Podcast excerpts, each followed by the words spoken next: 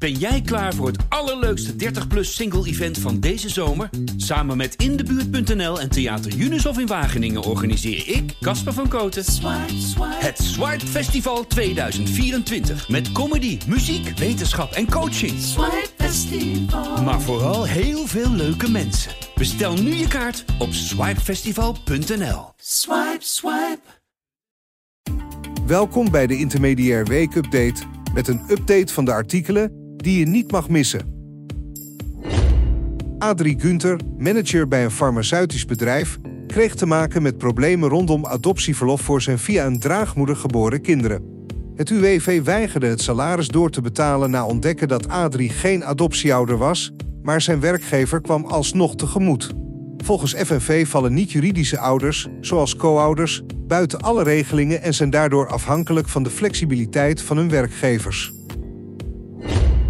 Martine Koemans, een bewust alleenstaande moeder in de geestelijke gezondheidszorg, benadrukt het belang van een sterk sociaal netwerk en een flexibele werkgever in haar situatie.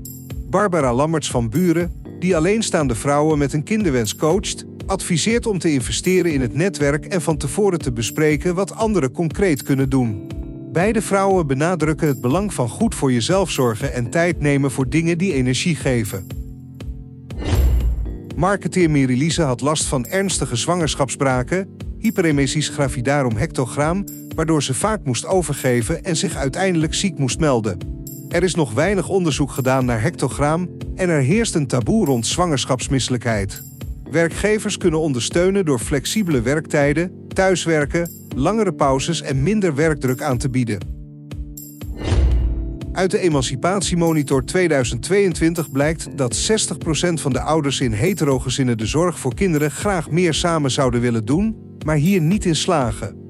In gezinnen met twee moeders is de verdeling tussen betaald en onbetaald werk gelijkmatiger.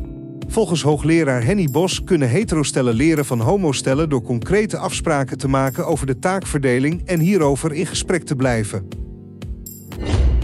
Gezinnen met twee moeders verdelen zorg en werktaken eerlijker dan gezinnen met een vader en een moeder, volgens hoogleraar Henny Bos van de Universiteit van Amsterdam.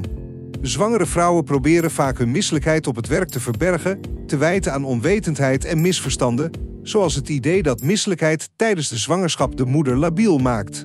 Alleenstaande moeders met een baan hebben het zwaarder dan andere ouders, omdat zij de volledige verantwoordelijkheid dragen voor slapeloze nachten en de zorg voor zieke kinderen. Dit was de weekupdate van Intermediair. Lees en luister alle artikelen via intermediair.nl.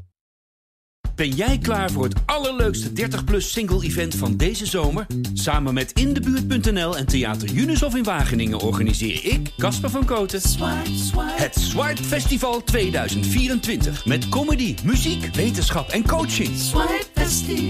Maar vooral heel veel leuke mensen. Bestel nu je kaart op swipefestival.nl. Swipe, swipe.